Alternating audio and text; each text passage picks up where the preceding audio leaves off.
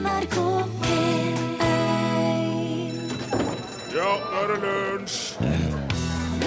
I dag er det 189 år siden Beethovens 9. symfoni ble urframført i Wien.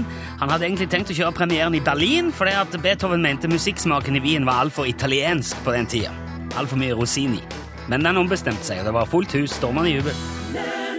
John Travolta og Olivia Newton-John, hørte du? You're the one that I want. Velkommen til lunsj. NRK P1. Torfinn Borchhus er her som radioprodusent i dag. Det stemmer. Jeg er helt vanlig med. Stemmer, det er jo helt vanlig opplegg. Og så har vi òg Torbjørn Bjerkan på knapper og spaker. Hei, Torbjørn. Hei, hei. Og så en hel gjeng bak deg. Kan dere også si hei?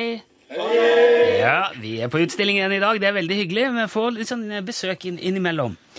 Uh, og mitt navn er Rune Nilsson. Ja, det var det jeg skulle si. Og det er til lunsj. Det har jeg sagt. Da kan jeg gå på det jeg hadde tenkt å si. Ja. Ok? Ja. Fordi på fredag så er Nytt på Nytt. Der hadde de en oppgave uh, der blant annet Derrick var med. Det var sånn uh, Hvem skal skal, ut? ut? ja. Ja. Verdens tyskeste politi. Nå skal visst Derrik bli forbudt, fordi at Horst Tappert hadde noe med Waffen-SS å gjøre under krigen. Så nå er det Jeg hørte om dette der. Ja. Vet ikke om det er bare tilfeldig at han jo hadde hytte på Hamarøy i 18 år. Han ferierte jo masse på Hamarøy, han og kona. ja, du tror at det er en, du tror at det har sammenheng med Waffen SS? Nei, men altså, Knut Hamsun kom jo òg fra Hamarøy. Og akkurat i dag er det faktisk nøyaktig 68 år siden Hamsun publiserte en veldig oppsiktsvekkende og rosende nekrolog til Adolf Hitler i Aftenposten. I dag, den 7. mai 45. Ja. Akkurat. Så der er, plutselig ble det veldig mye nazigrums i vannet her akkurat nå, men det var ikke poenget. Både Markens Grøde og Derrick står utmerka på egne bein, syns jeg. Vi behøver jo ikke dra Hitler inn i det der. Men eh, det var Nytt på Nytt som var poenget. For der ble det altså eh, slengt en kommentar da om at Derek kanskje klarte ikke å løse et mord av en eller annen grunn. Og da sa Jon Almås det skjer aldri. Derek finner alltid skurken, sa han. Det var liksom veldig, han var veldig tydelig på det. Derrick trødde aldri feil. Og jeg har sjøl sett ganske lite Derek, må jeg innrømme. Men jeg husker at jeg har sett en episode der Derek ikke klarte å finne morderen. Ja, og han og Harry Klein de, de satt på kontoret og så bare Nei, det er ikke nicht uh, geløsen ge- Jeg kan ikke tysk heller. Det er sikkert derfor jeg likte bedre Gevurden. Bergerac. Alltid ta gevurden. Ja, gevurden, gemachen, ge- klakten. Så de bare måtte kjøre den grå BMW-en sin inn i høstnatta med uforløst sak. Oi, og dette, for det- dette her husker du. Dette her hører jeg at her kan du, du kan hele scenografien. Ja, jo, jeg husker hvor han sto, og han sto liksom litt til venstre for Harry satt med skrivepulten. og... Det ble altså laga 281 episoder av Derek over en tidsperiode på 22 år. NRK sendte episode nummer 1 28. januar 1977, og den siste gikk på lufta 26. mars 99. Og hver eneste en av de 281 episodene ble skrevet av Herbert Reinecker. Ja vel. Ja, samme mann. Han var 84 år han da den siste episoden ble spilt inn i 98, og han hadde ikke lyst til å gi seg i det hele tatt. Nei, kom an, sa han. Kom an, Horst. Men da var det Horst Tappert hadde blitt 75 sjøl, da. Nei, jeg gidder ikke mer, sa han, og posa noen øynene. Han hadde aldri vært større, vet du. Nei. Nei, ikke volden Hamarøy, faren. Sitter han med en uh, hytte og kikker utover det hav. Så da ble det slutt. Men serien har altså blitt sendt til mer enn 100 land, og det sies at politiet i Kina bruker den serien til å lære opp politifolkene. Se på Derek, sier de. Ser du hva han gjør nå? Ja. Sånne øyne må dere få. Og i løpet av de årene som alt dette her foregikk, de 22 årene, så var det faktisk ikke bare én, det var tre uløste saker. Oh, ja. Ja. Og der plumpa jammen Almås uti ganske alvorlig, gitt. Selv om altså, oppklaringsprosenten er jo veldig bra. Langt over 90 prosent oppklaring. Mye mer. Skjønner at de vil at eh, kineserne skal lære seg den måten der å Det er jo sikkert derfor, ja. Fordi at stort sett går det veldig bra. Men man kan se mye godt om Derek, men så flink som Poirot ble han aldri, for han tok bare feil ei eneste gang.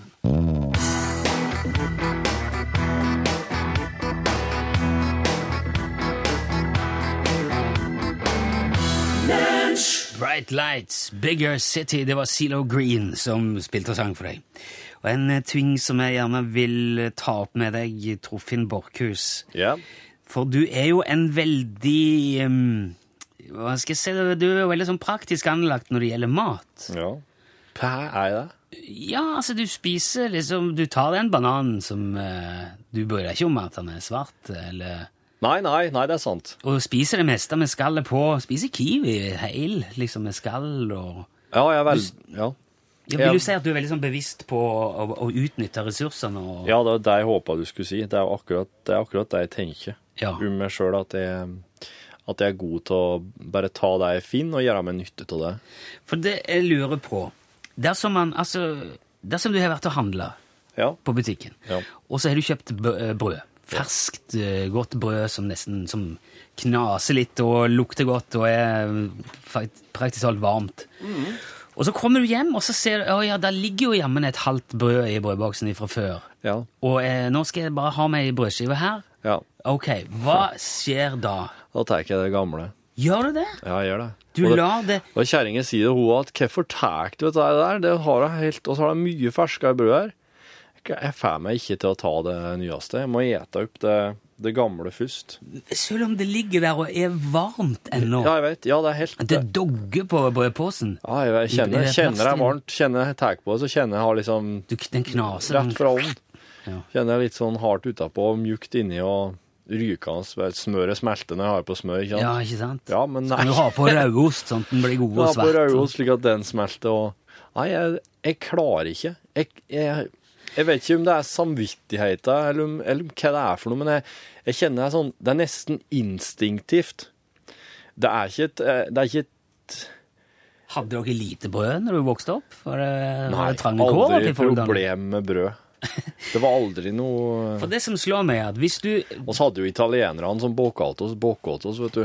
Det var jo ferskt Ja. brød hele tida. Hvis du hadde tatt av det ferske Ja. brødet Mens det nå Nå snakker vi altså kjempe Nå er det så veldig ferskt at det er så ferskt at det er påfallende ferskt og godt. Nesten litt sånn mistenkelig. Ja.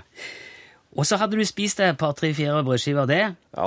Og, og, men dagen etterpå så hadde jo de vært mye mer jevna ut, disse to brødene. Så da kunne du jo gått tilbake på det halve som lå der. Det er et godt poeng. For da hadde du allikevel fått nytt godt av ferskheten der og da, Mm. men du kunne kompensert for den dårlige samvittigheten dagen etterpå.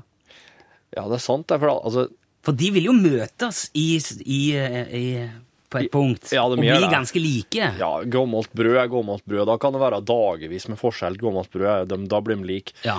Jeg, ja, det, der sier du noe. Altså, Hvis jeg tenker slik, så kan jeg gjøre det. For at når du nå sa det, så det er påfallende lenge siden jeg eter rykende ferskt brød. Jo, Jeg kan ikke huske sist jeg åt ferskt brød. Stakkars mann. Ja, for det, Nei, det slo meg her en dag jeg hadde ferskt brød hjemme. Så jeg tenkte, vet du, Det skulle ikke forundre meg om dette får Torfinn knapt oppleve. For han kan sannsynligvis ikke ta ferskt brød Nei. hvis det er noe igjen av noe annet. Nei. Så da tenkte jeg bare jeg skulle nevne det nå. Ja, men takk. For uh, Det var en tankevekker Ja, for meg. kanskje for flere. Brød jevner seg ut. Ja. Så spis ferskt brød når du er det.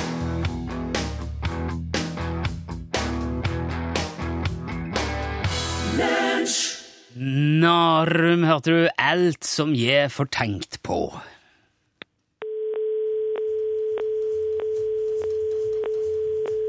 Ja, det er feil signal.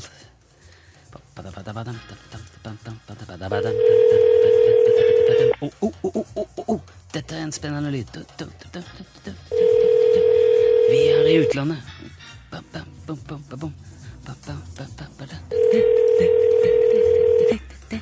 Hva som skjer? Nei.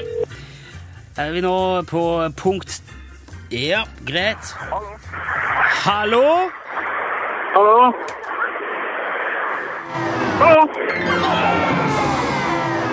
Hallo Hvem, hvem snakker, snakker nå? Frode? Ja. Frode, du er nå i, med i lunsj på NRK P1, og du har svart feil. Aha. Stemmer det? Ja, Er det, er det lenge siden du meldte deg på, Frode, eller? Ja, det en stund siden. Det er vel et par måneder siden, tenker jeg. Oi, såpass, ja. Ja, men eh, du kan aldri føle deg trygg når du har meldt deg til telefontjeneste for Utslagsnes Transport og Skarv. Da må du være på, på, på hele veien, vet du. Ja visst var det. Så skjønner jeg det. Men jeg, nå tenker, jeg ikke på det i det hele tatt, for nå står han midt i Paris. Står det i Paris? Ja, ja, det tror du. Vi er på ferie, vi. Wow, så kult! Er du på, Ja, du er på rett og slett på ferie i Paris? Rett og slett på ferie en uke, ja. Ja vel. Har du eh, fått sett noe fint, da? Ja, vi er på shoppingrunde nå. Åh, herlig. Ja, ja. Ja, men ok. Ja, det er så fint altså. Jeg skjønner jo at man ikke på en måte er, har hodet helt på Utslagsnes når man står kanskje ved Seinens bredd og ja, tar inn Ja, atmosfæren. Ja, nei, det er... Jeg tenkte ikke på det i det hele tatt. Nei, men det kan jeg forstå. Men ja. Frode, vet du hva, jeg har, adressen din. Så det vi gjør, vi skal sende en, en oppmerksomhet til deg uansett, så du får en, en liten gave fra oss når du kommer hjem fra Paris, som takk for at du var med. Du kan dessverre ikke få lua, for da må du svare rett, men eh, det kan jo være at du dukker opp igjen, så du må, jeg, jeg hadde ikke slutta å si Utslagsnes Transport og skal være så god når noen ringer, selv om du er i Paris, altså. Det skal jeg ikke gjøre. Bra. Den er god. Flott, tusen takk for at du var med, Frode. Ha en fortsatt fin ferie. Hils Paris! Den er god. Ha det godt.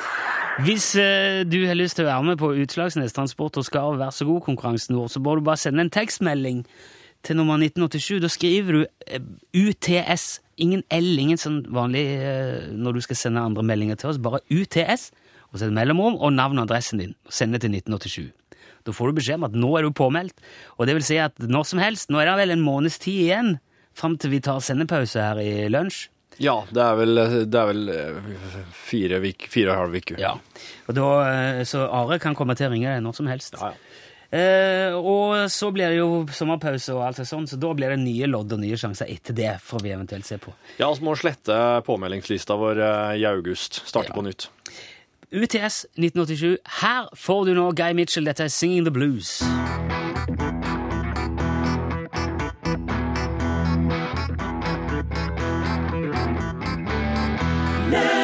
Der hørte du altså Guy Mitchell, 'Singing the Blues'. Og da er det på tide med en liten lek. Det er litt som vår utgave av 20 spørsmål, dette her. Ja, for du er jo manusorientert, jeg er jo improvisasjonsorientert. Ja, jeg liker veldig godt at eh, ting er planlagt og skrevet på forhånd. eh, Og Torfinn liker veldig godt å finne på ting underveis.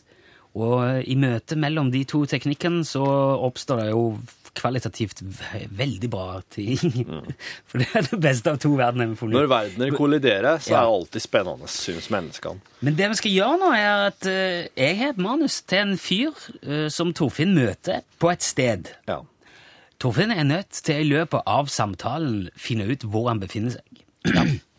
Unnskyld. Og hvis du klarer det, så er du eh, både flink og, og rask. Staselig. Ja. Men, men du må samtidig holde samtalen Altså, det skal jo være en samtale, og du må jo være til stede i det som skjer. Det må Ja. flyte ordentlig og være underholdende og fint. Ja, sånn at når jeg får en idé om hva det er jeg befinner meg hen, eh, en slags situasjon der jeg havna i, så sier jeg ja, siden jeg nå er her på sjokoladefabrikken, så Ja. kan jeg vel Og så sier du ja, du er, jepp, da må du Ok, si da er det ferdig. Ja, det, jeg tror kanskje. Ja, greit. Ja, men eh, Da da- sier du eh, oh, kvakk, kvakk, kvakk. Men eh, for at dette her skal være litt sånn dualitet i dette, da er det oss mot deg, så nå må du ta av deg hodetelefonene dine, stappe Ja. fingrene i ørene, Ja. og så si mamma, mamma, mamma baki der, så skal jeg fortelle hva Torfinn eh, Han skal være Du får skru av eller gjøre det samme som Torfinn hvis du ikke vil høre, men han er i operaen. Altså Det Norske Opera og Ballett. Eh, Hvor lenge må jeg helle på med det her, ja, han kan slutte nå, for eksempel. Ok, Å, kjære. er du klar? Vent, da. OK. Ja. Hvem begynner? Hei! Oi. Hva gjør du her inne? Eh, unnskyld, jeg skulle bare Du kan ikke bare valse inn her. Dette er ikke åpent for hvem som helst. Nei, unnskyld, jeg visste ikke det. Jeg hadde bare tenkt Jeg, jeg, jeg, var bare, jeg gikk bare forbi, og så bare Ser du etter noen, eller? eh, Nei, eller jeg, Litt sånn eh, På en måte Jeg kjeda meg bare. Ja, jeg aner ikke hvem det er. N- eh, nei, altså, jeg, jeg, var, jeg var kjeda meg. Jeg ser ikke etter noen konkret, nei. Men hva, hva er det du mener med det? Er du full? Nei, jeg er ikke full. Nei, nei, jeg er helt edru. Men jeg var bare ute og, og gikk, og så Det var et enormt fint lokale. Men Er du med i en av omvisningene, eller hva er det? N- eh, nei. Og arrangeres det der? Men ja, altså, uansett, du kan ikke være her. Det er masse utstyr og ting her som du kan skade deg på, komme borti og ødelegge og greier, så du, må, du kan ikke være her. OK. Men uh, hva er det egentlig du gjør her, da? Ser du begge de to der? De kan jo heises opp og ned. Og den der, der det kan ja. snurre rundt. Og hvis du kommer bort til noen av dem, så begynner det å rotere alt her. Så da må du Du kan ikke, du kan ikke tulle med ting her. Nei vel. Nei. Så den der Hvorfor går de opp og ned? Det er full rigging her nå ja. klokka ett i dag. Å ja, å ja. Ja. Å ja, jeg forstår. Men du vil kanskje at jeg skal komme att i kveld når det skal være konsert her? Det er noe greie med ei dame med rosa briller, og så er det ei diger skilpadde. noe greier. Akkurat. OK. Eh, er det Fornebu er Jeg syns du virker som en veldig rar fyr. Du prater veldig usammenhengende. Dette er ikke noe særlig troverdig samtale. Dette står ikke i manus, men dette har jeg lyst til å bare legge til. Ok, du, Ja, For nå syns jeg det halter veldig her. Ja, jeg forstår. Ja. Ja. Det, er ikke, det, er ikke, det er ikke dialog, dette. Nei. Nå er det en fyr som står og grubler. Ja, ja. Ok, nå går jeg tilbake til manus her. Aner ikke. Men når kan jeg henvende meg for å få billett, da? Ja, Det foregår jo mye rart her. vet du. Jeg får ikke sett alt. Det er jo noen som må jobbe òg, veit du. Ja, jeg forstår jo det. Men du er altså vakt, du er vakt her på teatret? Ja, Det er først og fremst lys jeg driver med, da. Altså, og litt mekanikk. Mm, skjønner. Ja. Eh, er du eh, Trives du i jobben, eller? Det er jo veldig bra greier vi har her. da. Det er jo veldig nytt alt sammen. Vi åpna jo i 2008, så det er jo veldig moderne alt sammen. Ja. Ja, det er fint i operaen. Ja, det er det. Er ikke det? Det var veldig dårlig, veldig dårlig eh, improvisert samtale inni her. Jeg beklager, det, men du skjønner, jeg ble, jeg, jeg ble jeg, Hjernen min smelta. Sier man det? Jeg vet det er stygt. eh. Ja, det, det, Det hørtes ut som en fyr som gjetta på hva han var. Ja, ikke sant? Og Ja. det er jo ikke meninga. Men eh, samtidig så, så merker jeg at eh, det er usedvanlig vanskelig å bokke inn en slags eh, å, å gjette samtidig Prøve hele en dialog, naturlig dialog gående, samtidig skal du skal prøve å flette inn hva du tror du er. Men vi forventer jo store ting av deg, Torfinn Borchhus. Det må du bare slutte med med en gang. Her er Passenger. Let her go.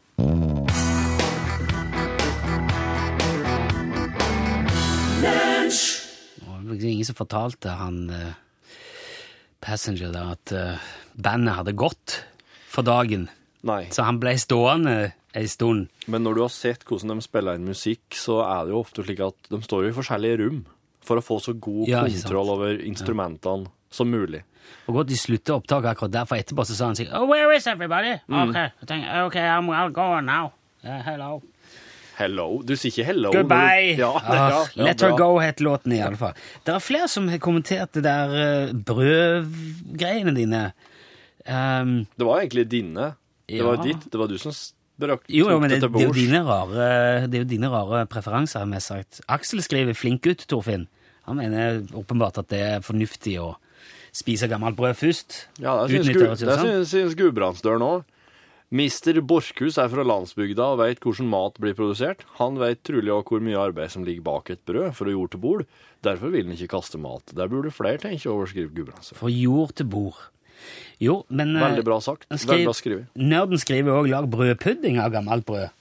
Ja, Helt, eh, så kan du gjøre det fram til du får time hos terapeuten, for han mener det er sikkert en eller annen Kanskje det er bakenforliggende traume eller noe som gjør at du ikke klarer å spise ferskt brød når du har det. Jeg, har lært, eh, jeg har lært at jeg kan eh, ete det på et veldig bra vis. Det er at en eh, skjærer det turre brødet opp i terninger. Ja. Og så har den mye smør, rett smør altså, i panna. Krutonger. Og så steiker den brødterningene til deg. Og når du har, når du har stekt det fint og, og litt slik, ja, gyllent som det kalles, så har du oppi mjølk. Tømmer oppi mjølk i panna, Åh, okay. så freser det skikkelig, og så trekker mjølka seg inn til terningene. Og så et du dette med sukker på. Å, kjære Det er helt genialt. det er Det er, så godt. Det er helt tullete godt, faktisk. Jeg tror nesten at nå når jeg begynte å fortelle om det, så, så, så bestemte jeg meg for at det nesten er favorittrestematen min. Nå, du kan jo òg riste brød. Er du brødrister? Ja, det gjør jeg rett som det. Ja, det, da, da blir det jo nesten Ja, det er Det er jo et helt eget konsept. Du kan riste hva som brød som helst. Det er like godt som fersk, syns jeg. Ja. Så det er jo òg en ting å gjøre hvis, hvis Heller spise det ferske brødet når du har det, og så dagen etterpå så kan du riste det gamle. Så kan Ja. du riste på kryss. Ja, kryssristing, ja. Ja, det er jo... Ser eh. Og så skriver også Espen for Sjåk at han likte det Torfinn sa om eh, brød og rødost, for nå begynner han å bli gammel, G35-en. 150 år siden han ble produsert første gangen, Ja. skriver Espen. ja. Og jeg håper han blir håper han Det er rett og slett blitt en gammel gammelost. Åh! Badumps. Jeg hadde ikke den. Jeg hadde en sånn en liggende før i tida, men den har jeg ikke lenger. Du, har du noen gang tenkt på hva som kunne blitt plukka opp hvis du hadde stilt en av de største sånn, eh, antennene vi har på taket på NRK ut i verdensrommet, og hørt noen prate om oss, eksempel? Det, det tenker jeg på hver dag, jeg tror. Ja. Skal jeg vri litt på den antennen nå mens vi spiller Knutsen og Ludvigsen? Skal vi se om vi får inn noe?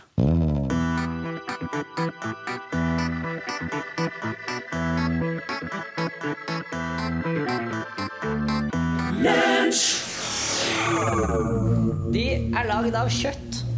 Eh, kjøtt? De er kjøtt, ja. De er lagd av kjøtt. Eh, kjøtt? Det er ingen tvil. Vi, vi plukket opp flere fra ulike deler av kloden, tok dem om bord på patruljefartøyene, analyserte dem helt gjennom. De er helt kjøtt. Det er jo umulig. Hva med radiosignalene? da? Meldingene til stjernene? disse tingene? de bruker radiobølger til å snakke, men signalene kommer ikke fra dem. Signalene kommer fra maskiner. Ja, ja, men hvem lagde maskinene, da? Det er jo dem vi ønsker å ha kontakt med. De lagde maskinene, det er det jeg prøver å fortelle. Kjøtt lagde maskinene. Nei, det er jo latterlig. Hvordan kan, hvordan kan kjøtt lage en maskin? Du ber meg tro på et sansende kjøtt her. Hva Jeg er ber det? deg, jeg ber deg ikke, jeg forteller deg det. Men- Disse skapningene er den eneste sansende rasen i sektoren, og de er lagd av kjøtt. Ja, Kanskje de er som Orfolei, da? At de er sånn karbonbasert intelligens som går gjennom en Ja. kjøttfase? Ja, Men ja, men, ikke ja, men nei, de er født kjøtt, og de dør kjøtt. Vi studerte dem gjennom flere av deres livsløp. Noe som ikke tar så lang Har du, vet du hva levetiden er for kjøtt? Åh, spar meg for... Ja, Ok, men kanskje de er en del kjøtt? Litt som Vedilei, vet du? At er et kjøtthode med elektronisk plasmahjerne inni? Nei. Er det det? Vi tenkte på det siden de har kjøtthoder som Vedilei, men som jeg sa, vi har analysert dem. De er kjøtt hele veien gjennom. Men Har de ingen hjerne, Ja? Jo da, det er hjerne på dem. Hæ? Det er bare det at hjernen er lagd av kjøtt. Nei Jo, det er det jeg prøver å si. Men hva er det som tar seg av tenkingen, da? Du skjønner det fortsatt ikke. Du, du nekter å forholde deg til det jeg forteller deg. Hjernen gjør tenkningen. Kjøttet. Tenkende kjøtt? Du ber meg tro på tenkende kjøtt? Ja, tenkende kjøtt. Bevisst kjøtt. Kjøtt med følelser, kjøtt med drømmer. Det er kjøtt over hele linja. Begynner du å se bildet nå, eller må jeg begynne på nytt? Herregud, du er seriøs, du. Ja. De er laget av kjøtt. Takk, endelig! Ja, de er Laget av kjøtt? Ja, de er faktisk lagd av kjøtt. Og de har prøvd å komme i kontakt med oss i nesten 100 av deres år. Herregud, Hva er det dette kjøttet vil, da? Ja, Først og fremst ønsker de å snakke med oss, men etter hvert så forestiller jeg meg at de ønsker å utforske universet, få kontakt med andre bevisstheter, utveksle ideer, informasjon. Det er vanlig. Så vi skal snakke med kjøtt, altså, nå? Det er tanken. Ja. Ja, Det er meldingen de sender ut av radioen. fall. Hei! Noen der ute, noen hjemme, den slags ting. Ja. Men de snakker det faktisk. De bruker ord og ideer og konsepter og sånn. Oh, ja. det Kjøttet. Det er bare det at de gjør det med kjøtt. Men du sa at de brukte radio. Ja, de gjør det. Men hva tror du det er på radioen? Det er kjøttlyder. Du vet Når du klapser til eller klasker sammen kjøtt, så lager det en lyd. De snakker ved å klaske kjøttet sammen. De kan til og med synge ved å presse luft gjennom kjøttet. Herregud, syngende kjøtt. Dette, dette er for mye. Men hva anbefaler du at vi gjør med dette? her? Offisi offisielt eller uoffisielt? Nei, begge deler. Vi må jo ha Offisielt så er vi pålagt å ta kontakt, ønske velkommen og logge inn alle levende raser eller bevisstheter i denne kvadranten av universet uten fordommer, frukt eller fordeler, men uoffisielt så anbefaler jeg at vi sletter postene og glemmer hele greia. Ja, vet du, jeg, jeg håpet at du ville si det. Det er brutalt, men det finnes en grense. Ønsker vi virkelig å ta kontakt med kjøtt? Nei, jeg er enig. 100 Hva er det å si? Hva skulle, Hei, kjøtt, hvordan går det? Nei, men, men, men vil dette fungere? Altså, hvor mange planeter har vi å gjøre med her? Bare... Det er bare én. De kan reise til andre planeter i spesielle kjøttbeholdere, men de kan ikke leve på dem. Og siden de er kjøtt, så kan de bare reise gjennom serommet. Altså Det begrenser dem til lysets hastighet. Og det gjør jo muligheten for at de noensinne kan ta kontakt ganske li forsvinnende liten, faktisk. ja. Så vi bare later som det ikke er noen hjemme i universet, da? Ja, nettopp. Ja. ja, det er brutalt. Men du sa jo selv hvem er det som ønsker å møte kjøtt? Har de, som har vært om bord på skipene våre, de som du har undersøkt, Ja. er du sikker på at de ikke vil huske noe av dette? Ja. Er det noe De vil, de vil bli sett på som tullinger hvis de husker noe og forteller om det. Vi gikk inn i hodene deres og glatta ut kjøttet, slik at vi er bare en drøm for dem. En drøm fra kjøtt. Det er merkelig passende at uh, vi skal være kjøtts drøm. Ja. Og så, og så merka vi hele sektoren ubebodd. Ja, ja, bra. Men da er det enighet her, både offisielt og uoffisielt. Og da avslutter vi den saken. Er det, noe, er det noe annet? Er det noen andre eh, interessante greier på denne siden av galaksen? Er det noe Ja. mer vi må se på? Det er en ganske sjenert, men søt intelligent hydrogenkjerneklynge i en klasse 9-stjerne i G445-sonen. De var i kontakt med oss for to galaktiske rotasjoner siden, og de ønsker nå å komme i kontakt igjen. Ja, kommer jo alltid tilbake. ja. Så klart gjør de det. Tenk hvor utholdelig, usigelig kaldt universet ville vært om han var helt alene. ja. Nei, det vil jeg ikke tenke på. Ikke gjør det.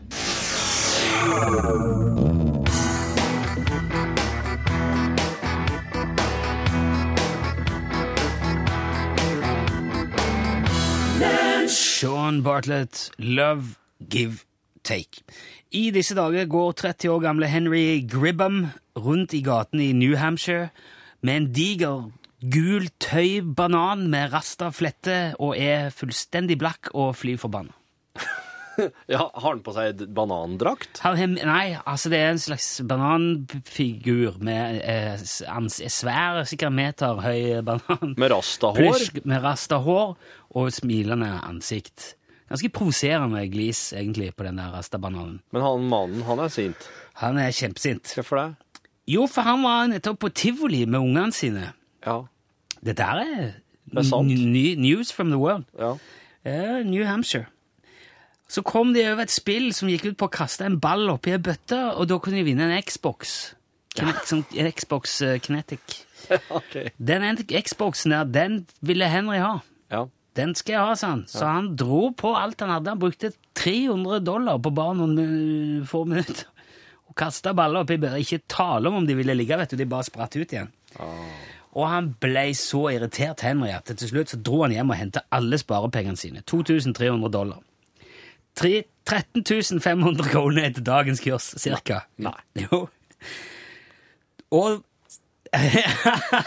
satte for det, Jeg skal ha den Xboxen om det blir det siste jeg gjør, sier Henry, og kaster baller så det bare suser etter, og svir av alt han har eh, av sparepenger.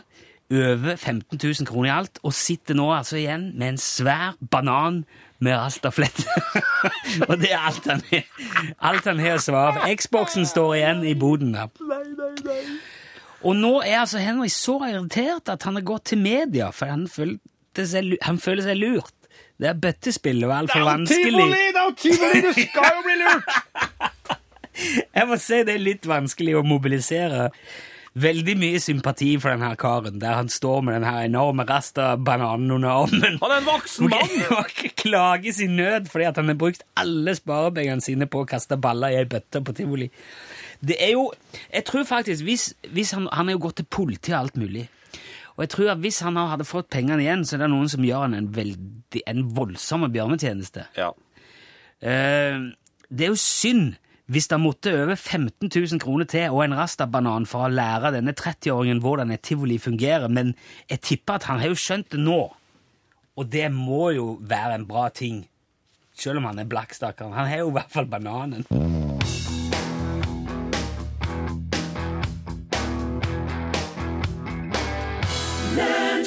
Asbjørn Ribe og de sang grillfest i parken. Har det vært noen grillfester på det så langt i sesongen, Pål Plassen? Nei, men det blir liksom så mye bedre når du sier det på den dialekten der. Ja, grillfest i parken. sommeren er der, da. Ja, da er det, men det er jo alltid sommer på Sørlandet. Vi griller i parken hver eneste dag. Jeg er ikke så glad i engangsgriller, jeg, må jeg innrømme. Nei, det er noe lort så fanteri! Jeg, jeg mener at man blir gæren i magen av å grille for mye. Å ja, du tror det påvirker maten? Ja, nei, det er bare at jeg føler at å la det ligge nede i gresset i parken, i liksom uh, helt nedi der Å, men så- når du tenner fyr på noe, så blir det jo fort sterilt, da. Jo, jo, men Nei, men du skjønner. Sterilt blir det vel ikke. Det blir, ja, det jo i hvert fall ikke mye bakterier som overlever. Nei, en grill da, Pål. Men hvordan reagerer kroppen? Å ja, kroppen skal det handle om i Norgesklasse i dag. Oh, lekkert. Takk. Eh, snyteskaft, snurrebass, vaskebrett og topplokk. Altså, det skal handle om eh, ord oss har på forskjellige kroppsdeler. Snyteskaft og snurrebass. Og grunnen til at uh, ting heter det, altså kroppsdelene heter det de heter, enten det er liksom de ordentlige navnene eller uh, kallenavn. Uh, vårt kloke hode i dag, det er Helene Uri, som har skrevet boka 'Kroppsspråk om kropp og ord'. Ja, herlig. Eh, Hjertelig velkommen til ekstramaterialet spilt inn på kontoret, som vanlig. Til stede Rune Nilsson. Hallo!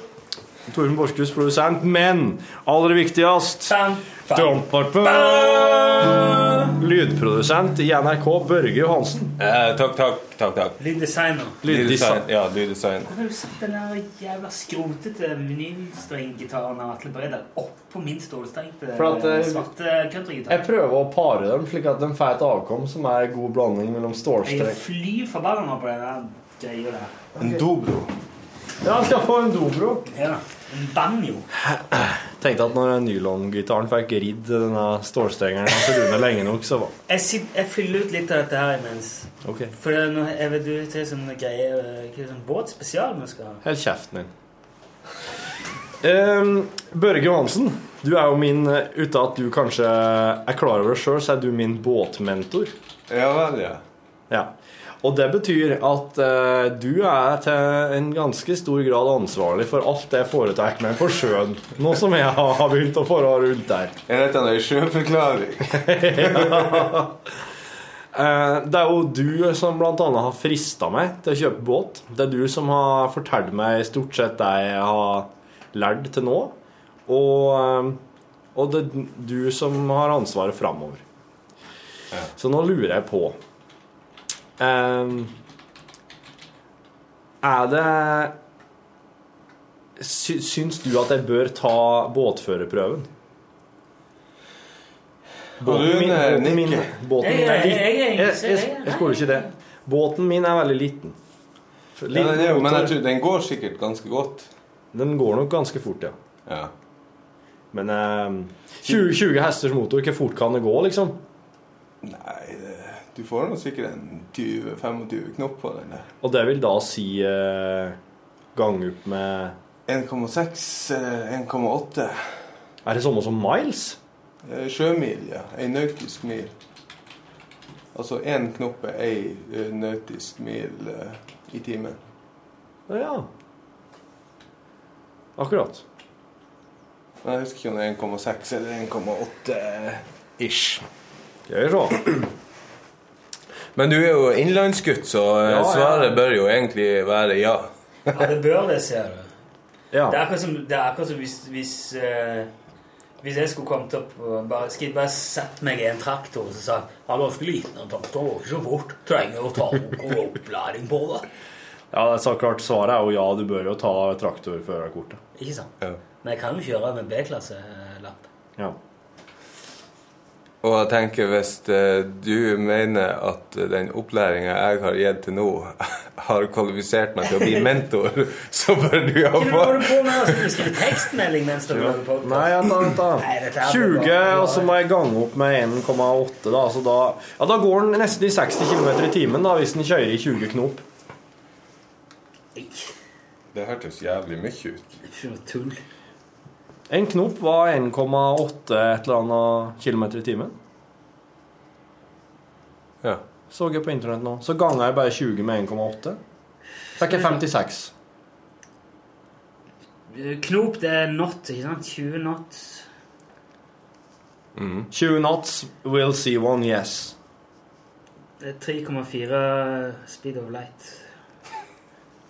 Hvis du kjører i 3,4 speed of light. Nei, det er 37 km i timen.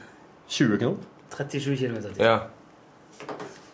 Hvordan i helvete fikk du det til å bli 60 km i timen? hvordan i alle dager det, Altså, det der Det er der er ingen problem for Torfinn Bakhus. Han kunne fått det til å bli 160 km i timen uten problem. Ja. Og Det eh, er lett for deg, det. da. hvis du skal kjøre noe som går 160, så må du ha lappen. Um, OK, jeg skal vurdere det. Hvorfor har du ikke gjort det? Vet du hva, du har, Nå har jeg hatt denne båten stående i denne jævla, på den hengeren i hva er det, et år. Ja. Hvorfor har du ikke tatt Du har Jeg hatt er så, så god tid til irritert på at uh, noen gamlinger har sittet og bestemt at alle, on, alle født etter 1980 må ta lappen. Men ingen født før 1980, akkurat som det er noen forskjell der. Det er den irritasjonen der som har gjort at jeg ikke har gjort det til nå. Ok.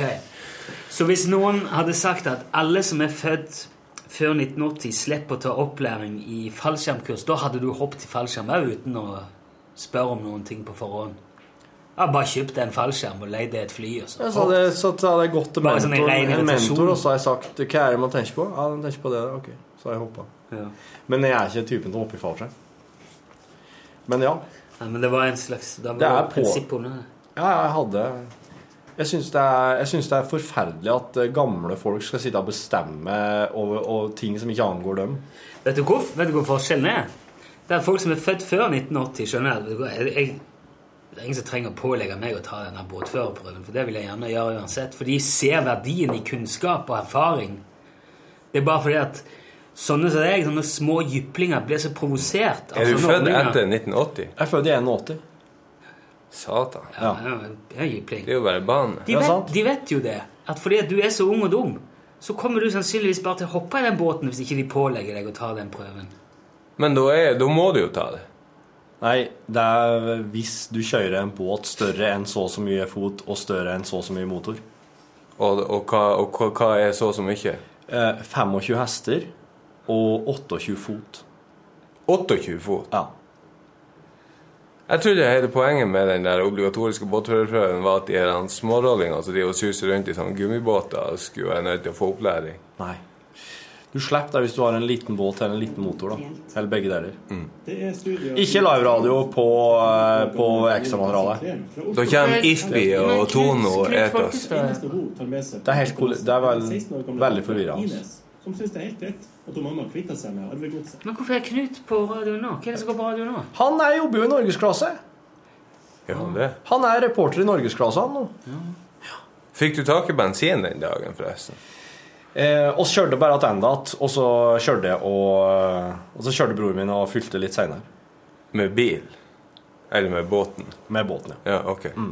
De tok båten opp på hengeren, kjørte på bensinstasjonen, fylte, kjørte ned Ja, i riktig. havet. Du trenger båtførerprøve. Ta båtførerprøve.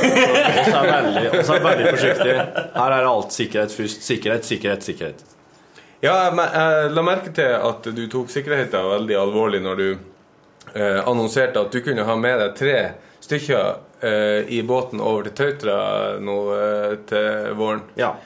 Tre svømmedyktige, fortrinnsvis. Tre svømmedyktige folk de må kunne svømme. Hvis ikke tar jeg dem ikke med.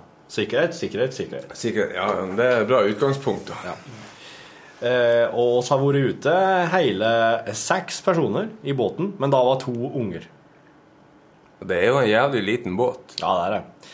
Så den er som en, den er som en eh, liten personbil med på en måte heldekkende sofa foran og heldekkende sofa bak. Fiat 600. Ja. Så da, da var, satt oss en voksen på hver side foran, unge i midten og samme oppsett bak. Ja. Vi hadde ei boble som gikk på vannet i går. Ja, Som gikk på vannet? Mm. Ser du det? Så, ja, og så hadde påhengs baki. En langstamma åttehesters mariner. Og så hang den liksom på, på en sånn kant bak baksetet. Så var bygd et kar oppi, sånn at det var som en glassfiberbåt. Så var alt annet ute. Og så kjørte vi rundt i havnen med en gul boble. Men den gikk ikke på veien lenger? da? Jo, nei, han gjorde ikke det, for det var jo ikke motor. Men det var hjul på den, så vi kunne bare trille den opp. Ja. Tøft. Ja, Fins den her fortsatt? Nei, den døde, drepte meg, for det ble bare så mye mas med den. Ja, men det er jo ikke like med bilene at de går tilbake til jorda så fort som oss folk. De ble en eh, vraka og Ja. Ja. Han ble Er det noen bilopphøggeri som har havne... Småbåthavn? Tok han på kran med en bil. Kjørte han av gårde. Og han sank. Ja. Han, eh, det var noe tull med han sank vel, men han lå fortøyd. Forsikringssvindel? ja. Nei, vi måtte heise han opp skiten. Og det var, nei, det var en voldsom opplevelse. Men det var veldig gøy. Det var litt sånn artig da, å så så rundt i, i havnebassenget med bobler. Jeg går litt sånn eh, drektig med en sang om eh, på havets bunn. Å ja. Ja. Eh, det der er jo noe som jeg tror vi må ikke gå Skal man gå litt stille i dørene? ja. Jeg, for nå, er jeg, nå lurer jeg på om du blander liksom personlig og offentlig ja. Person? Ja. Nei, Min spesialitet for øvrig. Det er ikke alt som blir sagt liksom rundt grillen i hagen min, som skal i podkasten. Nei. ikke alt. Du, Børge, du har en eh, Rana-båt. Nei. Nei. Jeg har en uh, Skand 21 hardtopp. Å? Hvem er det Rana Er ingen Er det noen Det er landlorden sin. Å! jo med det, ja. Ja. Ja, ja. Skand. Hvordan er det? Rana 17, tror jeg. 17, ja. Det kalles også for Stokmarknes-mopeden. Er det det? Ja. Det er en klassiker. Det er jo en klassiker. Eh, Vi hadde ikke mopeder, vi hadde bare båt med påhengsmotor. ja. Ja. Du har vokst opp med det, du? Jeg vokste opp med det. Jeg hadde ikke moped. Nei. Så kjørte vi over til Husøya på fest. Ja. Var full, da? Ja. Alle? Ja. Ja. Og hadde dere redningsvester? Uh, nei. Nei, men det er så, det er sånn jo. Vi, vi hadde fylt ei Pioner åttefot med is. Så hev alle øl oppi seg der, og så og resten var bare snekke og skjærgårdsiper. Så tok vi ut til Iahavn, og så var det sankthans. Ok, Så dere hadde en egen båt som kjølebag? Ja, Ja. rett som det var. Ja. Og broren min og de sank en gang ute ut på Leidlandshavet. Og etter det så kalte de han bare for Pinnen, for han fløyt så godt. Bror din? Ja. Han gikk, gikk under tilnavnet Pinnen i mange år etterpå. De sank. Men han fløyt. Ok. En gang når vi var på fest på Husøya, så eh, når vi skulle gå hjem igjen dagen etter, så var giret ødelagt, så motoren gikk bare i revers. Ja. ja. Og så begynte vi å ro over eh, fjorden da. For vi tenkte at motoren kom til å gå til helvete hvis vi bare rygga hele tida. Men så var det så mye motvind at vi kom oss ikke over. Nei. Så da rygga vi med motoren. da. Full gass i revers. Hvor langt er det her, da? Eh, hvis båten hadde gått rett vei og gått omtrent like fort som din båt, så hadde det tatt eh, ti minutter. Kvarter. Ja. Vi brukte over to timer og rygga i motvind. Fullsjuk og jævlig.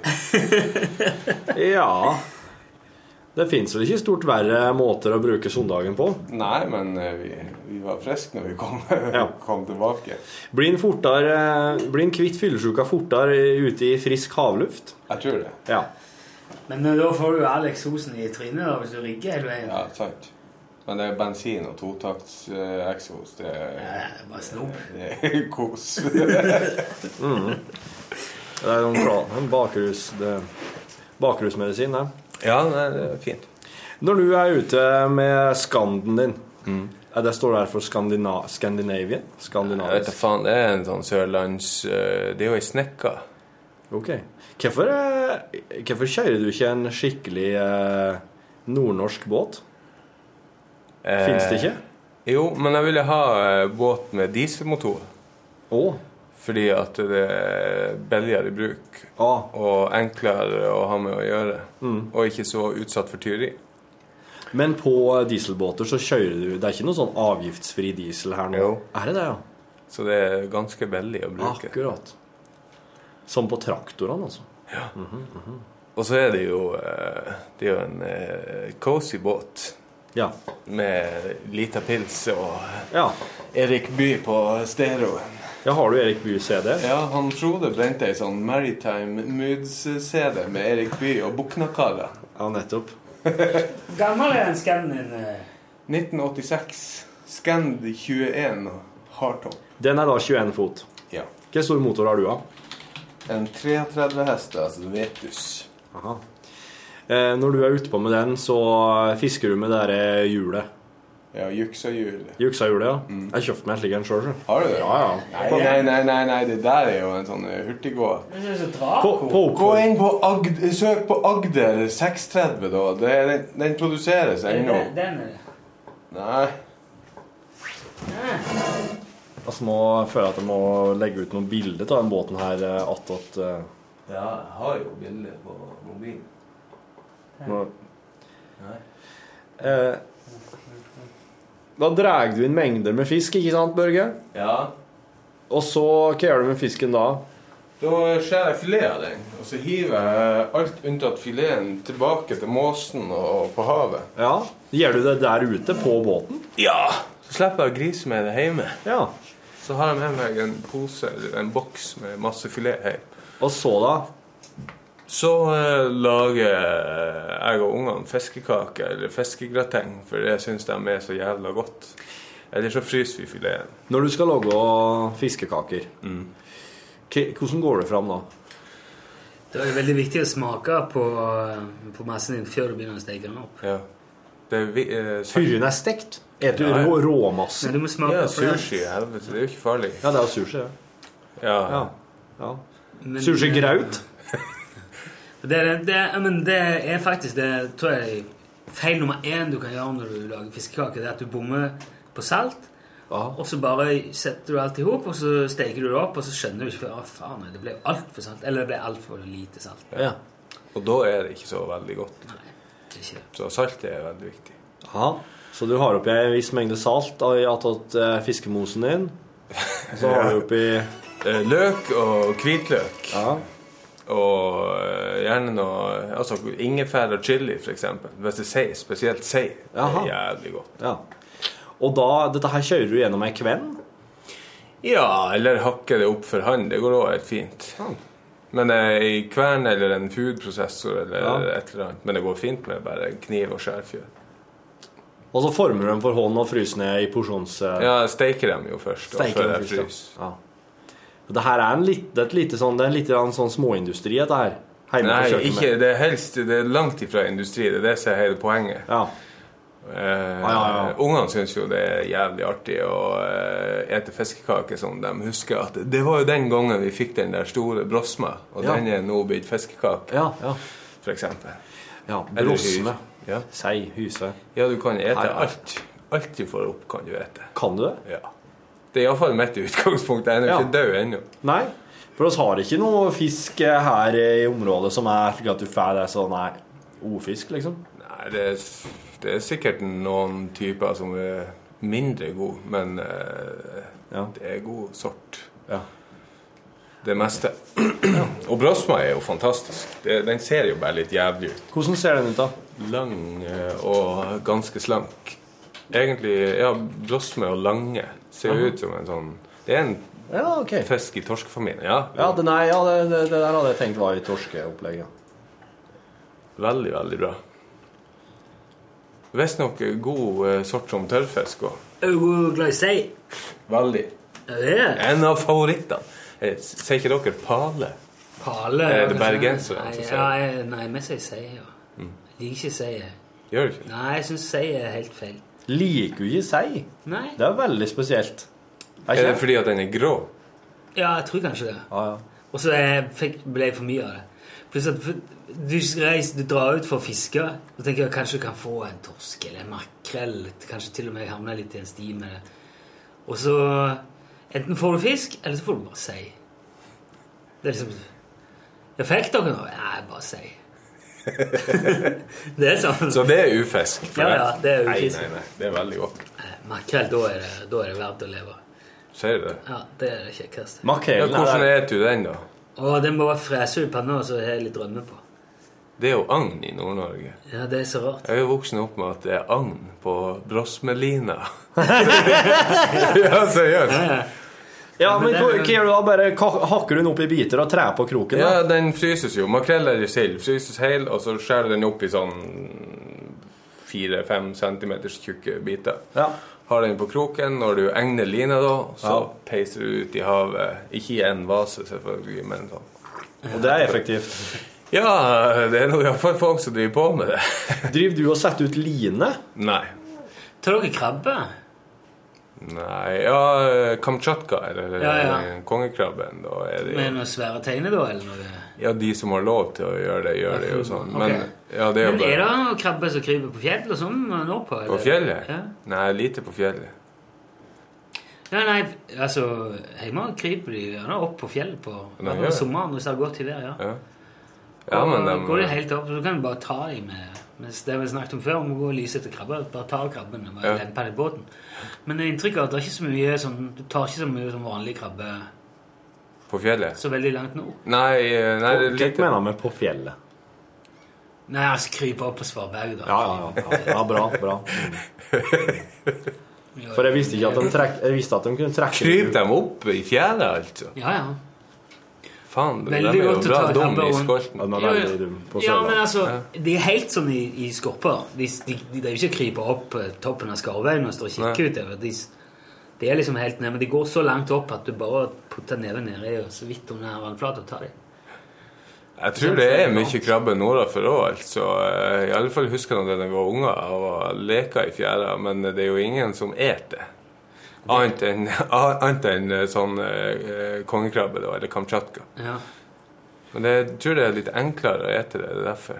Altså, du spiser bare klørne, liksom. Det er veldig På kongekrabben? Ja, ja, de er jo veldig store, òg, så det er Ja. liksom mer enkelt å forholde seg til. Men det er jo to store klør på krabben her, den vanlige krabben. Men det er liksom Det er ikke mat. Jo, jo, altså, jeg er jo enig, men eh, det er Men det er mange som ikke spiser det fordi at de eh, Eller de sier makrell er ufisk fordi den spiser døde sjøfolk.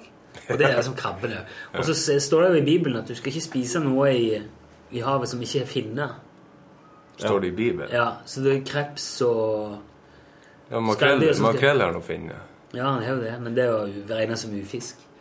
Men jeg var, var, altså, var i um, Nord-Trøndelag med svigerfamilien. De driver bare med laks.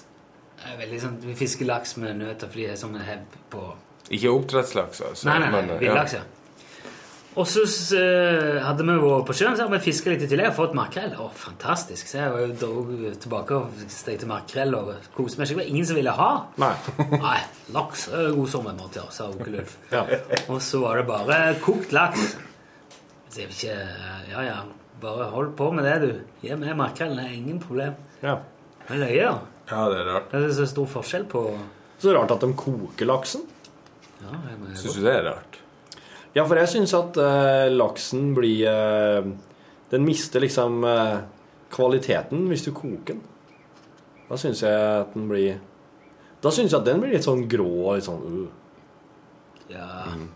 Men du skal ikke Ja, ja, du må, du må bare trekke den veldig forsiktig, selvfølgelig. Men, Ja. men jeg syns kveite er best når du koker. Men dere som lever etter Bibelen på Sørlandet, er rart dere driver spiser krabbe og alt dette som ikke har Det Ja, mange som ikke gjør det der òg, tror jeg. Er det det? Ja. Nei, ja, kanskje ikke så mange. Jeg vet ikke. Men dere foretrekker enkelte Enkelte litt sånne um, oh, ja. bi- Revidert bibel. Revidere den litt, da. Ja, ja. Jeg, Ja. jeg har aldri brydd meg. Så jeg Krabbe og reker det er det beste du får på havet, syns jeg. Kjører du da Dorge, Børge? Henger Ja. du etter og Jeg har prøvd det eh, med sånn wobbler for å prøve å få laks. da. Det går jo jævlig mye laks forbi her for skal opp Nidelva. Ja, for de ligger litt høyt oppi vannet, Mm. Du må liksom vite noe fisk som ligger i forskjellige lag. Ja, Men det er jo en sinnssyk tålmodighetsprøve. Jeg er jo dritlei etter en stund. Ja.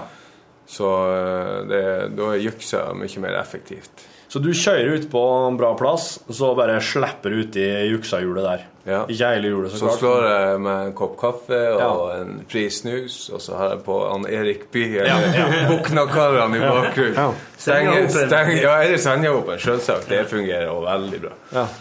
Stenger motoren, og så har det bare helt stilt. Og Ja. drar masse fisk.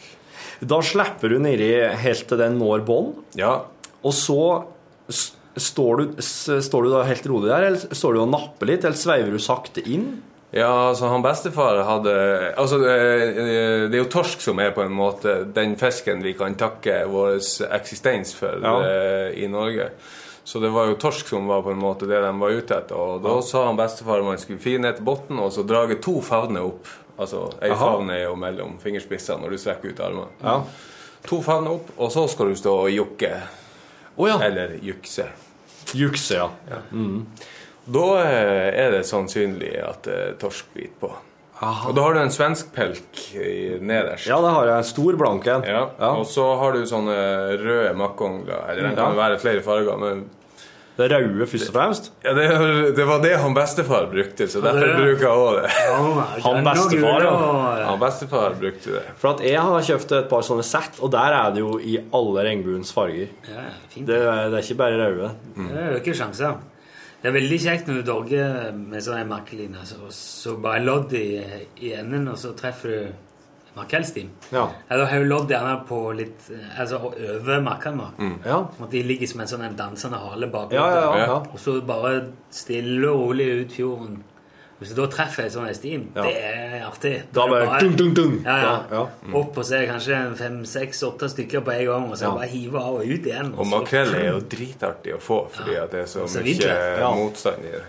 Um, men hva slags lodd er det da snakk om? En Blylodd eh, bare Eller jern, eller hva Ja, for på, jeg har kjøpt en sånn derre um, Jeg vet ikke hva det heter. vet Du Den, eh, du har den i hånda, en plastdings som det surrer på. Ja, ja, ja. Er ikke det som kalles for harpe? Harpe, ja! Harpe har jeg kjøpt. Og så Det er sånn søringfiskeutstyr. Ja, det er det. Ja, det Ja. er sånn. Det er ikke den du dorger med, altså, Rune? Jo, jo. Jo. Og så bare fester du da den derre For det- i på den så hang det sånn s- stor, rød, tung Et lodd. dråpesak. Det er loddet. Ja. Den fester jeg bare da litt tidligere på lina, da. Hvis jeg skal ja, hvis du skal rigge det sånn som han sier. Ja. Hva slags tempo bør den helle da? Nei, Så sakte som mulig. Så Ja. som mulig, ja. Ja, det skal jeg prøve. ja. På Himmelsbretten vet du, så er det høgvann klokka tolv om dagen, så jeg. Så. Ja, da skal vi utpå. For det er best, er best når det er høgvann, ikke Eller er det der helt irrelevant når du holder på Nei, det er ikke irrelevant, men jeg husker farsken ikke om det var på Fjæra eller på Flo det er best fiske. Du husker ikke? Jeg husker det ikke. Men eh, Men, og det driter jeg egentlig i, for okay. at eh, jeg fisker når det passer meg. Ja. Og får jeg ikke fisk, så er det greit. Da har jeg fått en tur og en runde Erik By. Ja, ja, ja. ja. Det er det Jeg, jeg var på et jeg var mye fiska før, i, eller hjemme. For meg der jeg fisket. Mange som hadde båt. Jeg hadde båt i en periode, men det er veldig veldig lenge siden nå. Og så Men så var jeg med en kompis på fjellet og fiska i ørret. Og etter det så ble det liksom bare ja, Det syns jeg var mye kjekkere enn å dra på havet. Det er så mye bal på havet. Der kan du bare liksom tusle rundt og hive ut. Så får du sånne små koselige på opp mot halvt kilo. Det er mye enklere å forholde seg til. Kakker i hodet og bare hiver det på bålet, så er det Ja, men det er jo litt kjedelig. Og du, får, du vet jo hva, hvis du får fisk, så vet du jo hva det er som er på kroken. Ja, ja, ja, men det er jo det. Du vet jo, når du er ute og fisker på havet, vet du faen aldri hva som Jo, det er jo dritartig. Kan jo være Tenk å få ei kveite, eksempel. Ja, ja. Er på 50 kilo. Ja, eller mer. Ja. Helst mer. Ok, altså da hadde jeg Nei, det hadde ikke heller. Da hadde jeg Nei, dette her blir altfor Ja, mye. det er jo ja, Hvis du hadde fått ei kvei Kvite på 100 Kvei, kilo. Ja. Eller breiflabb. Det er jo eh, ufisk som er blitt veldig fancy. Nå spiser jo til og med nordlendinger breiflabb. Hva har skjedd med nordlendingene de siste årene, vil du si, Børge? Nei, de har skjønt at det går an til å ete alt som kommer opp av havet. Nei, Så dere har gått av litt impulser ut herfra? Ja, vi har veldig godt av det. Ja. Um, Har du prøvd grilla tørrfisk, forresten? Nei. Det har liksom eh, blitt den store hiten på restaurantkjøkkenene i Tromsø de siste Vanna ut og grille, eller bare grille? Ja, vanna ut og grilla. Gjerne marinert eh, i et eller annet. Pesto er jo ganske vanlig. Og som er klassisk tilbehør. Stekt bacon, gulrotstuing og potet. Oh. Det er jævlig bra. Senjastua på Silsand har faen meg den beste tørrfisken.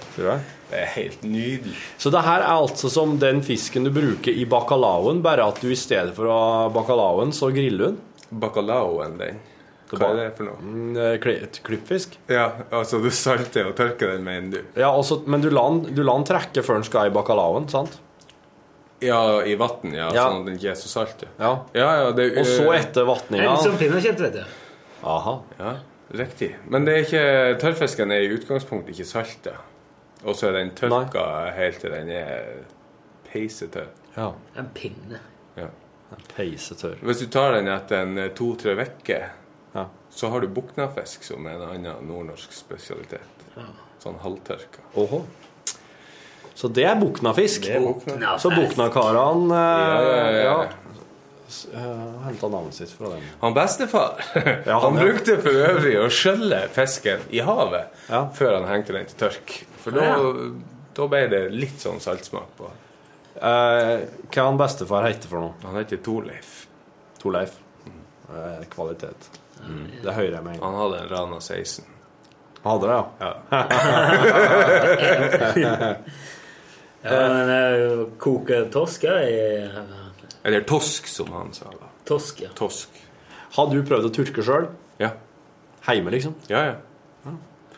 Det funker fint. Når skjærer, eh, jeg skjærer filet av fisken, og så legger den i fryseren. Ja. Altså stikker tauet gjennom uh, ene enden av fileten, og så legger den i fryseren. Og når det da blir eh, vinter og tykjekaldt ute, så henger den ut. Jaha. På verandaen, liksom? Jeg har jo bygd meg som bu i hagen eh, Ja. med tak over, så da har jeg et eh, område der som Ja. jeg har brukt. Ja. For, der er ikke, for at sjora og kråka og korpen Ja. kommer og Den tar det. Ja. Mm. Men det ble faktisk eh, veldig, veldig bra. Ja. Men du må, ha litt, må helst ha litt vind og Ja, ja. Og så er det enklest hvis det er, liksom, hvis det er ordentlig vinter når du gjør det. Ja. Hvis du henger den når det er mildvær, og hvis det er jord under, så kan det smake eh, jord av fisken. Ja. Jord, ja. Ja, jord. Fisk med jordsmak. Ja. Det er da Gravlaks. Rakfisk. Rakfisk. Ja, det er godt. Nei. Du liker ikke rakfisk? Jeg spiser egentlig det aller meste, men jeg har ikke ennå kommet noen vei med rakfisk. Altså. Jeg har prøvd, det to ganger. Ja. Lutfisk, da? Ja, ja. Å! Ja, lutefisk. ja. Det, men rakfisk spiser dere ikke i Nord-Norge. Nei, nei. Lutfisk spiser dere. Ja. Og det er jo uh... Det er òg en sånn relativt eh, ny eh, ting, iallfall Ja. i min familie. Ja, akkurat. Sånn 10-15 år siden, kanskje. Ja. Når du får en breiflabb opp, hva eh, har, du et, har du et redskap som du bruker for å slå i hæl all mulig fisk, som funker på alt, eller er det liksom forskjellige metoder per fisk? Det er En høtt. Høtt? Ja, du bruker jo en høtt eller en krok. Hvis det er en stor fisk, så må du jo ha en krok på Ok. ei stang. For å, men en høtt i skolten, og så tar du og bløgger den med en gang. Er det som en sånn batong? Ja, en trepinne med en, eh, en spiker. Altså den mest primitive. Ja, Med en spiker igjen. Ja. Ok. Og hvis du deljer den midt i skolten på fisken, og så bløgger den etterpå, så er han død. Og driver og slår den i hjel. Det er jo Tenk deg kveite på 200 kilo Ja, du skal ja. slå i hjel. Det er jo en voldsfilm eh, av Ja. dimensjoner. Ja. Ja. Det er jo det er, det er som om jeg skulle liksom inn i buret i en sånn MMA-kamp og Ja. prøve å drepe en eh, av de Ja. Så det er bedre å bare bløgge den. Så Hva er bløgging, da? Da skjærer du over hovedpulsåret, halsen. Ah, ja, ja. Så det er bløgging, ja. Halal. Halal, ja. Halal i fiskesammenheng. Da blir, det, da blir han bare litt kald. Og så tenker han «Åh», ja. Og så litt nummen, og så bare forsvinner Så husker han et eller annet fra barndommen, og så så er- ja. Et godt minne fra barndommen. Her er det oppi en pøs. også. Ja. Pøs, det er bytte. Ja. Det er bytte. Du må ha med deg bytte.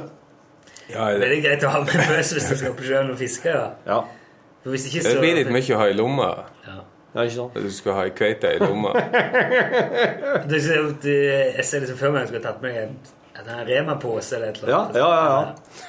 Det er det jeg har i Ja, fiskeveska. Jeg har jo med meg fiskeveska mi fra det jeg drev hatt hadde med i fjellet. ikke sant? Ja, ja. Og det er jo det utstyrssettet her som jeg nå føler at det kolliderer voldsomt med det jeg er i ferd med å sette i gang til fjordfiske. Ja. Tror jeg jo, Jeg har en kniv, den funker jo som en bløgg. Fjellfisking tar jeg jo på en pinne og bare tusler hjem med. Men Ja, ja, ja, det er litt verre. Jeg tar jo faktisk kveldfiskene i lomma. Ja, Så små er de. Så sitter jeg her og prøver å filetere dem. Ja. Med sneglefil. Pinsett og Ok, Børge. oss begynner å, jeg begynner å få eh, Jeg blir stadig klokere. Ja. Hva vil du si er Hvis du, hvis du skulle nevne én ting til som er veldig viktig å huske på nå, når en holder på med det her Med båt eller med fisk? Med, med båt generelt. Ikke dette på hav. Nei, du må beise sjarken. Ja, det må jeg gjøre.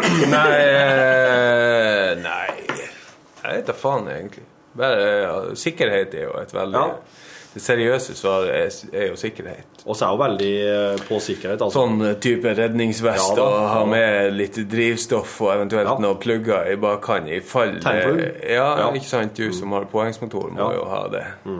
Det fikk han Martin eh, Eggan surt erfare når vi var på Tautra i fjor. Ja. For da For da eh, kom han seg ikke hjem eh, sånn eh, intakt. Da humpa og gikk den der motoren bare på halv. Eh, Jaha. Fordi at han eh, Det ble noe kuk med plugger. Måtte han bli taua, da? Nei. Er det lov å taue? Ja, det er lov. Ja, det er lov. Han. Han må bare åpne den. så- Ja, nei. Det er ikke litt sandpapir? Ja. Nei, nei, han kom seg nå tilbake til Trondheim, men eh, det tok sin tid. Og jeg angrer som en liten unge, hvis de angrer, på at jeg ikke gikk tilbake og gikk i ring rundt han før vi gikk til Trondheim igjen. For det gjorde nemlig han med oss når vi gikk bortover. For han går, hans båt går jo mange ganger fortere enn vår. Så han tok liksom en sånn æresrunde rundt oss. Det hadde, der hadde vi en sjanse som vi lot eh, gå fra oss. da. Men du får sikkert den sjansen igjen. Ja, får håpe det. Ja. Nei, men nå er jeg, Nå er klar for nå jeg, jeg er klar for mer båtliv. Okay. Ja. Da sier jeg tusen takk for eh, dine, dine råd og vink, Børge. Bare hyggelig. Jeg spør, eh, jeg spør neste gang det er noe. Rune, takk du òg. Jo, bare hyggelig. Du, du. jeg, jeg syns du skal ta den der båtførerprøven. Det, var- men det vil være kult. Du lærer masse. Lærer å navigere litt, og lærer hvordan staker og merker betyr, og hvordan du skal gå på et fyr hvis du kommer inn om kvelden. Og det, det er kule ting å vite. Det er veldig mye som skjer det på havet som det er kjekt å vite om. Hører du at han begynner å prate, prate litt breiere, faktisk, når vi prater Ja, ja, om båtliv? Han Rune. Ja. Nei, men han har jo helt rett. Selv om eh, sånne nye fancy eh, kartapper til ja. padder og telefoner eh, gjør det jo veldig mye lettere å holde det, på. det, er det hadde du aldri så Jeg har tabba med meg GPS-en, så går jeg opp i fjellet i Folkland. Det blir sikkert greit, det. Ja. Nei. Og prate med folk som har gått i fjellet før. Vet dere hva sier av treet Måsenvekst på? Det syns jeg er rart at det ikke er noen sånn der fjellturlappen. Og der er den. Ut.no. Ut-appen. Masse turtips og masse. Ja, men jeg har jo Navida-appen med sjøkart. Den som viser meg hva jeg er nå viser sjø. Ja. ja, men det er liksom altså Går du tom for strøm? Jeg vet ikke. Det er noe med liksom Jeg syns jeg er veldig Jeg synes det er kult at man skal vite litt hva man gjør når man er på sjøen. Det er så mye idioter utpå der. Altså, det er så dumt hvis du skal være en av de. En sånn gjøk som plutselig bare sank fordi at Hurtigruta kom, og du skjønte ikke hvilken side du skulle gå på, eller at du har gått på feil side av en stake, og så har du kjørt deg i hjel hull i den bølga di. Ja, ja, ja. Ja, jo, men jeg mener det. Hvis du har en eh, hvit eh, stokke med to røde eh, striper øverst, da skal du gå på venstre side. av den. Da står, står flamp. Ok, Men vet du om du skal gå på den siden han peker, eller på andre siden? Den sida han peker. Jeg vet da faen. eh, jeg har fått med meg så mye Jeg har ikke båtførerprøve, men jeg har fått med meg så mye som at uh, seilingsretninga i Norge er nordover. Eller det er muligens internasjonalt, da, jeg vet da faen, men iallfall i Norge. Nordover og inn en fjord. Så det betyr at så lenge du seiler nordover og inn en fjord, så skal uh, grønn lanterne, altså styrbordssida eller høyresida, være mot uh, grønn løkt. Ja. Hvis du seiler sørover og ut en fjord, så skal Mm. det være motsatt. Ja. Da vet du hvilken side av staka med, som er rød eller grønn da, du skal gå. Husker du det nå? Ja. Ok. Takk for at du lasta i podkasten vår. Yes. Skitt fiske, Torfinn. Takk for det. Hør flere podkaster på nrk.no podkast. NRK P